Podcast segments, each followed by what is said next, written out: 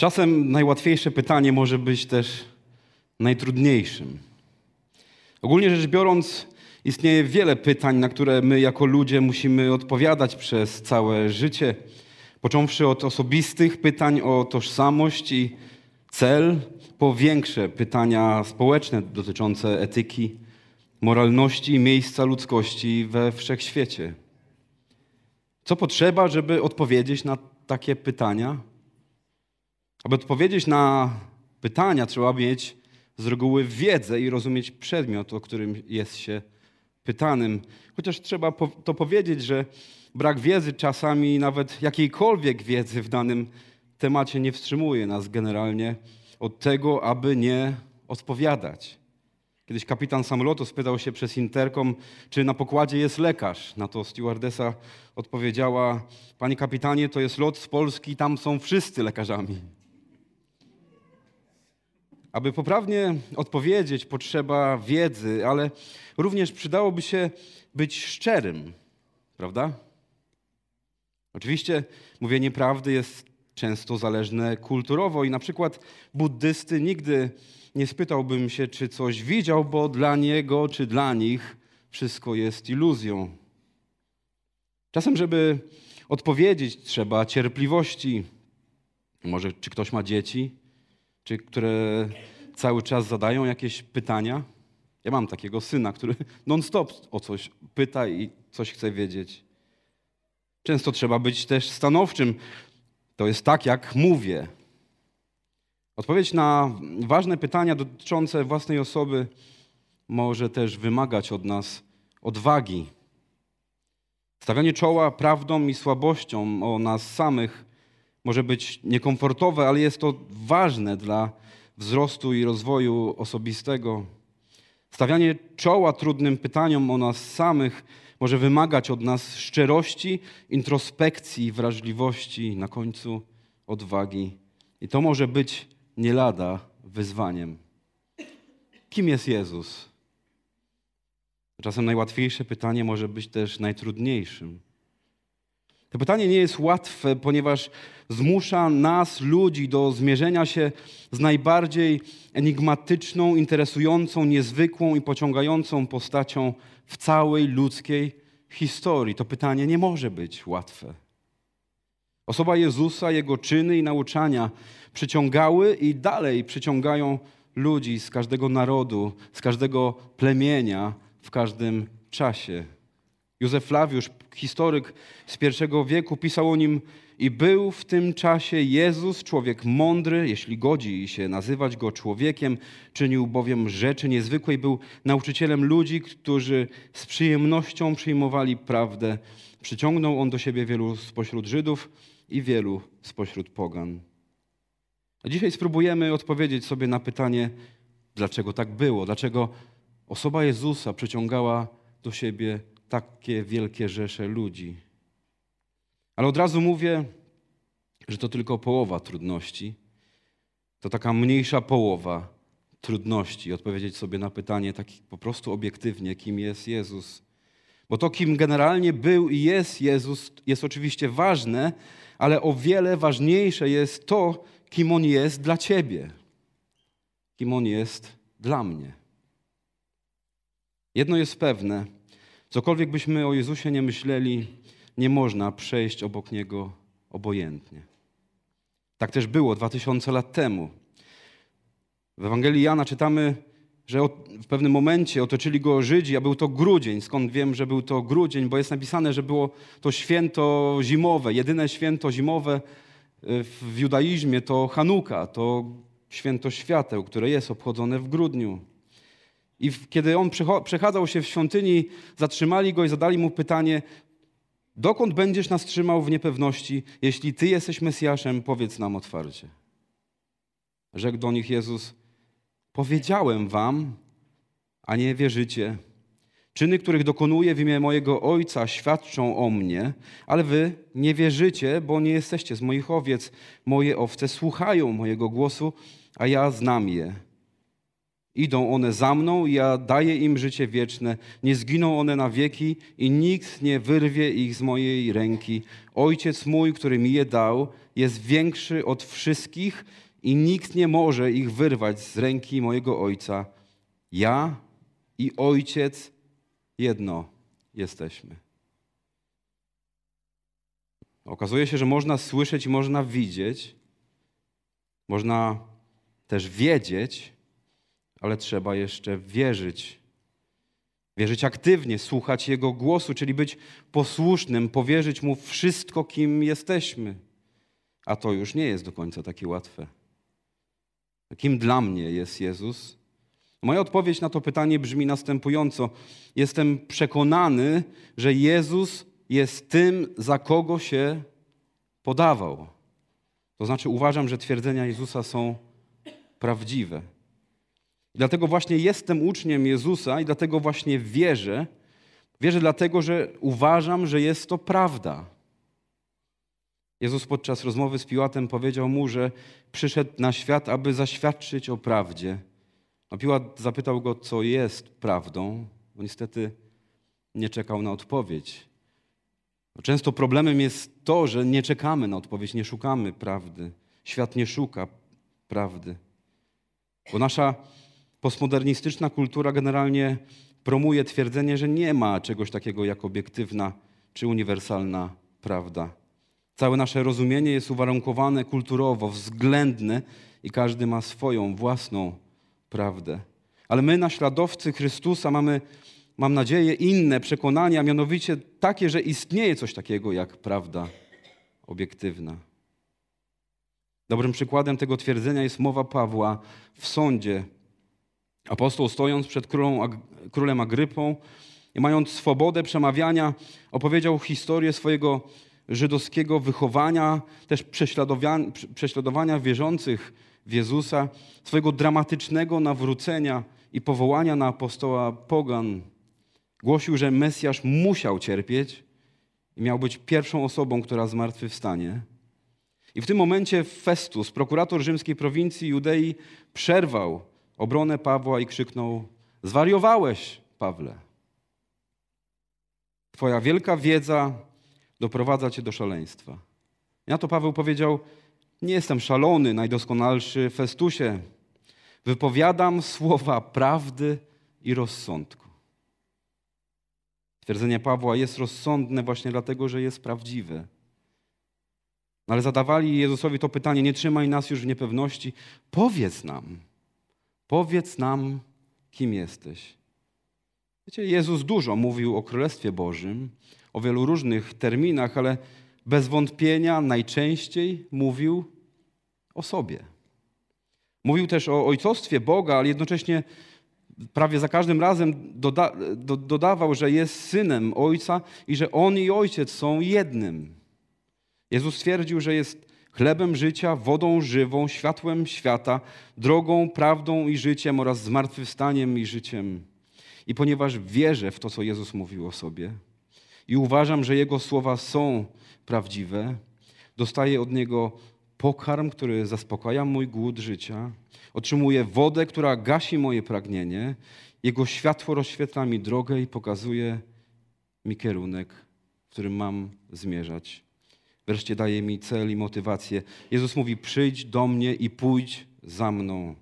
Powtarzał to bez końca. Mówił: Jeśli do mnie przyjdziecie, wasze ciężary zostaną zdjęte, a pragnienie ugaszone.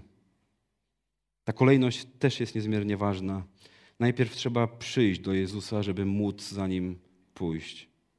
Jezus mówił i dzisiaj też przemawia, a to, co mówił i mówi, sprawiał problem. Bo ci, do których mówił, nie chcieli uwierzyć. Więc odnosi się do swoich czynów, które mają uwiarygodnić to, co mówi. Jakie czyny miały go uwiarygodnić? No po pierwsze, Jezus twierdził, że jest wypełnieniem pism. Od początku do końca jego publicznej posługi był to stały składnik jego misji. On dbał o każdy szczegół, nawet na krzyżu. Jezus mówił i zapewniał, że pisma świadczą o mnie.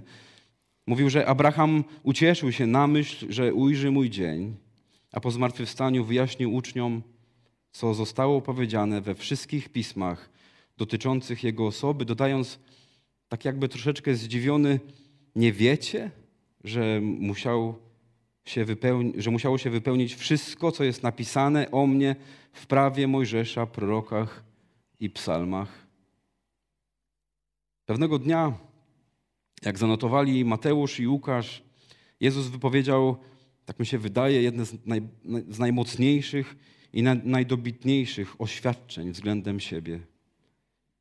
Powiedział do, do uczniów: Błogosławione wasze oczy, że widzą, i wasze uszy, że słyszą, bo opowiadam wam prawdę. Wielu proroków i sprawiedliwych pragnęło zobaczyć to, co widzicie, ale tego nie widzieli, i usłyszeć to, co słyszycie, ale nie słyszeli. Innymi słowy, oczy uczniów Jezusa rzeczywiście widziały, a ich uszy rzeczywiście słyszały to, co Boży prorocy pragnęli usłyszeć i zobaczyć na własne oczy. Ale można słyszeć i można widzieć, ale dalej zadawać to pytanie: jeśli Ty jesteś Mesjaszem, powiedz nam otwarcie. A wielu ludzi jest gotowych uważać Jezusa za wspaniałego człowieka, wielkiego nauczyciela. Dla wielu jest prorokiem. Nawet w islamie Jezus jest największym prorokiem, jaki chodził tutaj po ziemi. Ale Jezus nie myślał ani nie mówił o sobie w takich kategoriach. Jezus twierdził, że jest spełnieniem wszystkich proroctw. Z Jego przyjściem zaświtała nowa era, ale również nadeszło oczekiwane przez tysiąclecia Królestwo Boże. Patriarchowie, sędziowie, prorocy, kapłani, lewici czy cały lud Boży żył perspektywą tej obietnicy, wierzyli i mieli nadzieję. I chociaż prorocy i sprawiedliwi nie doczekali czasu wypełnienia obietnicy, nie widząc widzieli, nie słysząc, słyszeli. Jest niesamowita umiejętność, którą każdy wierzący człowiek powinien sobie wykształcić. Moi drodzy, wiara rodzi się z tego, co się słyszy, a tym, co się słyszy, jest słowo o Chrystusie. O Mesjaszu pisał Paweł w liście do Rzymian. Słyszenie Słowa Bożego budzi w nas wiarę. Wiara popycha nas do działania. Czasem wbrew temu, co wiemy, wbrew logice, wbrew fizyce, wbrew doświadczeniu. Obecni wówczas w świątyni widzieli i słyszeli Jezusa, ale w miejsce radości przyszła niepewność. Moi drodzy, nadzieję przyniesie nam jedynie pewne i czujne oczekiwanie na to, że Bóg zrobi to, co powiedział, że zrobi. Na końcu tej mowy Jezus mówi coś, co wszystkich musiało zszokować. Mówi, ja i ojciec jedno jesteśmy. Dla nas brzmi to łagodnie, wręcz dyskretnie, także nie zauważamy doniosłości tej wypowiedzi. Ale dla tych, którzy pierwsi to usłyszeli, te słowa zagrzmiały jakby megafonem przestawionym przy uchu. Ja i ojciec jedno jesteśmy. Jezus powiedział w tym momencie, że dla każdego człowieka jest nie tylko zbawicielem, ale też sędzią.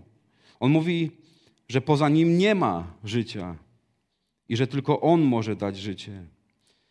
Jezus postawił się w, całkowitej, w całkowicie innej kategorii i na innym poziomie. Kategorii i poziomie zarezerwowanej tylko i wyłącznie dla Boga Ojca. Kiedy indziej zasugerował, że cały świat żyje w ciemności, a on jest światłem świata. Cały świat jest głodny, a on jest chlebem życia. Wszyscy są spragnieni, a tylko on może ugasić to pragnienie. Wszyscy są w niewoli grzechu, tylko on może przebaczyć grzechy. I za każdym razem, kiedy Jezus mówił o odpuszczeniu grzechów, obserwatorzy byli zgorszeni. Pytali, dlaczego on tak mówi, jak to możliwe, bluźni. Kto może odpuszczać grzechy, jeśli nie sam Bóg. Jezus rościł sobie prawo do przebaczenia skruszonemu, ale twierdził również, że ma prawo sądzić skruszonego. To zapierające dach w piersiach twierdzenia. Niektórzy twierdzili, że musi być szalony, inni zostawili wszystko, wstali i poszli za nim. Chyba wszyscy, którzy mieli z nim styczność, byli zdumieni jego autorytetem. Co zatem sądzimy o jego twierdzeniach? No, sytuacja wydaje mi się bardzo prosta. Twierdzenia Jezus, Jezusa są albo prawdziwe, albo fałszywe. Jedyną rzeczą, której nie możemy zrobić, chociaż pewnie wielu tak próbuje, jest ich ignorowanie. Ale jeśli zamiatamy je pod dywan, mają niepokojący zwyczaj ponownego wyskakiwania, ponieważ są wplecione w strukturę Ewangelii, nie możemy udawać, że ich tam nie ma, pisał wielki apologeta. Nie możemy przebrać Jezusa za miłego, nieszkodliwego nauczyciela etycznych frazesów. Nie możemy jedynie stwierdzić, że to był jedynie prorok, bo samemu określił siebie samego stanowczo jako kogoś o wiele, wiele większego. Wiele przepowiedni w Starym Testamencie ma zastosowanie zarówno bezpośrednie, jak i przyszłe. I pewnego dnia Jezus użył psalmu drugiego, aby skłonić ludzi do głębszego i uważniejszego myślenia o Jego osobie. Czytamy, że teraz, gdy farazeusze byli zebrani razem, Jezus zadał im pytanie, mówiąc: Co myślicie o Chrystusie, o Mesjaszu? Czyim jest synem? Oni mu odpowiedzieli: Synem Dawida. On im odpowiedział: Jak to więc jest, że Dawid w Duchu Świętym nazywa go Panem, mówiąc: Pan powiedział do mojego Pana: Siądź po prawicy mojej, aż położę Twoich wrogów pod Twoje stopy. No jeśli Dawid nazywa go Panem, to jak to jest, że jest jego synem? Jezus wielokrotnie mówił, że nadeszło coś nowego i że, że ta nowość dotyczy Jego samego. W jednej niezwykle ciekawej i trochę, wydaje mi się, zabawnej sytuacji powiedział, czy goście weselni mogą pościć, gdy Pan młody jest z nimi. Kto tak mówi? Tydzień temu słyszeliśmy pytanie, dlaczego się boimy. Ta historia dotyczyła burzy i związanej z nią poczucia strachu. Ale problem nie polegał na tym, jak słyszeliśmy, że uczniowie bali się burzy, będąc na środku wielkiego jeziora, ale w tym, że nie płynęli sami. Tylko, że świadomość tego, że nie płyniemy sami, nie ma większego znaczenia, jeśli nie będziemy wiedzieli, kto z nami płynie, kim jest ten, kto z nami płynie. Historia ucieszenia burzy wydarzyła się w ten sam dzień, w którym Jezus rozmnożył chleby. Jego uczniowie doświadczyli coś niezwykłego, a zarazem nie potrafili zrozumieć, jak to jest możliwe, że nawet wiatr jest mu posłuszny. Ewangelista Marek tłumaczy te ich rozterki w taki sposób: Wiatr ustał, a oni byli wstrząśnięci do głębi. Marek opisuje tą historię troszeczkę inaczej niż pozostali ewangeliści. W jego historii Jezusa nie ma na początku w łodzi. On się pojawia, jak już jest sztorm i są wielkie fale.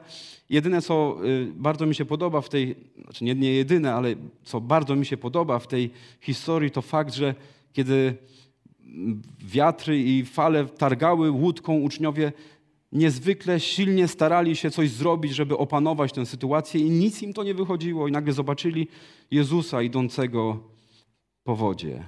Wydawało im się, że to jakaś zjawa. Wszedł do łodzi i zadał im to ważne pytanie. Ewangelista Marek tłumaczy tej rozterki w taki sposób. Dlaczego się bali? Bo nie rozumieli cudu z chlebami, gdyż serce ich było nieczułe. Bardzo długo jego uczniowie nie do końca zdawali sobie sprawę z tego, z kim mają do czynienia. Jezus zabiera ich więc w specjalne miejsce, gdzie zadaje im dwa niezwykle ważne pytania.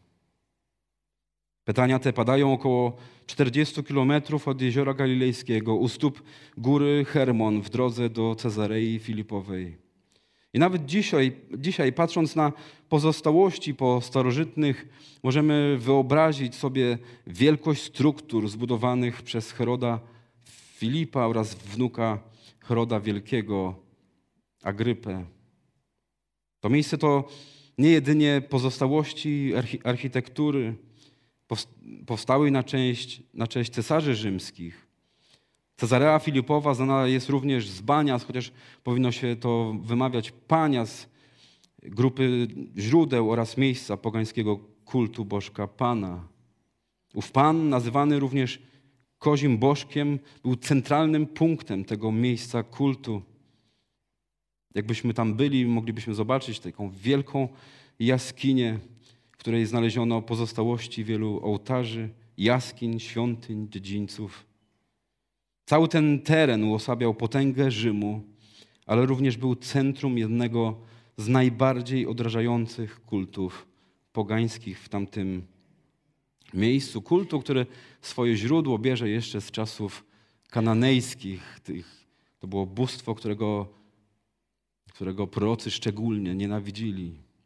Ta jaskinia dzisiaj y, nie służy, może nie ma tego samego efektu, które, które mieliby nasi przodkowie y, żyjący 2000 lat temu. Mm, tam ten y, ustęp wodny, który jest w tych wszystkich kanałach wodnych, które znajdują się tam w, w tych górach, są niesamowicie głębokie i, i co jakiś czas ciśnienie wyrzucało wodę miotając niesamowicie y, ofiarami, które były składane w tej ofierze. Zresztą Rzymianie też wymyślili taki sposób karania ludzi, którzy, których wina nie była do końca pewna. Wkładali ich tam do środka i, czeka, i zostawiali ich na pastwę losu i twierdzili, że jeśli ktoś jest w stanie przeżyć tą kolizję z wodą, to wówczas będzie niewinny to tam właśnie Jezus zadaje im dwa niezwykłe pytania. W tym niesamowitym miejscu. Miejscu, gdzie z jednej strony mamy potęgę świata, potęgę cywilizacji rzymskiej, z drugiej strony mamy centrum bałwochwalstwa. Za kogo mnie ludzie uważają? Pytanie nie jest bardzo trudne i nie jest też trudno na nie odpowiedzieć. Dla nas jest równie łatwe jak dla pierwszych uczniów i bez problemu znajdziemy na nie wiele odpowiedzi. Znajdziemy więcej odpowiedzi niż ktokolwiek mógłby tego potrzebować. I co ciekawe, ale na to pytanie można odpowiedzieć w taki sposób, że nie narazimy się przy tym na żadne konsekwencje. Nikogo nie urazimy, ani nie obrazimy. Uczniowie również spieszą z odpowiedzią. Według jednych odpowiedzieli: Jesteś Janem Chrzcicielem, według innych Eliaszem, a jeszcze inni uważają cię za jednego z proroków. Ale wtedy przychodzi drugie pytanie, najważniejsze pytanie. A według Was, kim jestem? W oryginale zaledwie jedno pojedyncze słowo w tym pytaniu jest inne. I to jedno słowo robi ogromną różnicę. Odpowiedzi na to pytanie nie znajdziemy w słowach innych osób, nawet nam najbliższych. Nie znajdziemy też w tysiącach książek o Jezusie. To pytanie jest trudne, bo odpowiedź znajduje się straszliwie blisko. Tak blisko, jak blisko jest nasze serce. I chociaż Piotr odpowiada w imieniu wszystkich uczniów, Tyś jest Meszyjach, Tyś jest Mesjasz, Syn Boga żywego, tak naprawdę nie ma jednej dobrej odpowiedzi na to pytanie, ponieważ każdy ma prawo odpowiedzieć tak, jak uważa. Z jedną uwagą. Wszystkie te nasze prawdziwe odpowiedzi mają realne konsekwencje dla naszego życia. Piotr odkrył w Jezusie Mesjasza, ale nie do końca jeszcze wiedział, co to znaczy. Więc kim jest dla Ciebie Jezus? Kim jest dla mnie Jezus? Kim on jest w pracy, kim jest w domu, kim jest, kiedy jesteś sam. Może czasem będzie musiał zabrać cię do miejsca podobnego do Cezarei, gdzie pod górą, gdzieś pod górą, z której więcej zobaczysz. Zobaczysz to, co oferuje jedna strona i może to, co większość wierzy. I tam usłyszysz to pytanie: kim według Ciebie jestem? Kiedyś, to było już 20, chyba 8 czy 9 lat temu, kiedy postanowiłem iść za Jezusem. Pewnie jak każdy człowiek w, na, w pierwszych miesiącach swojego nowego życia, zmagałem się z pytaniem, tak dla swojego życia, kim jest Jezus. To bardzo trudno zrozumieć. Ale wiecie, są rzeczy, które nie są do tego, żeby zrozumieć. Niektóre rzeczy są po to, żeby w nie wierzyć.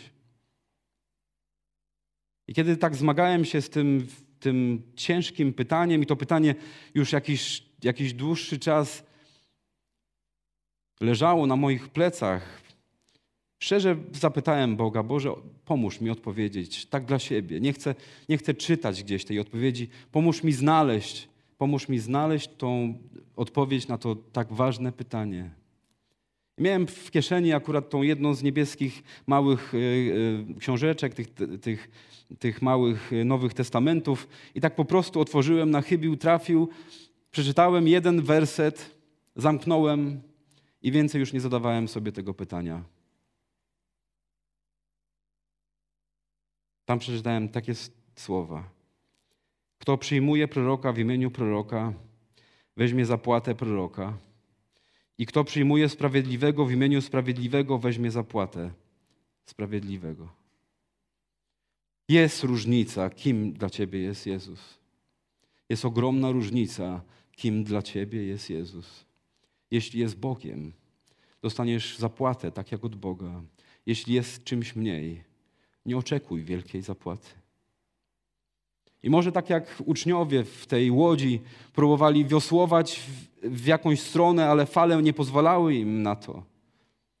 Może dobrze sobie odpowiedzieć na to pytanie, kto ucisza tą burzę? Kto może wejść do naszej łodzi i, i sprawić, że chmury odejdą, że wiatru nie będzie? Kim według Ciebie jest Jezus?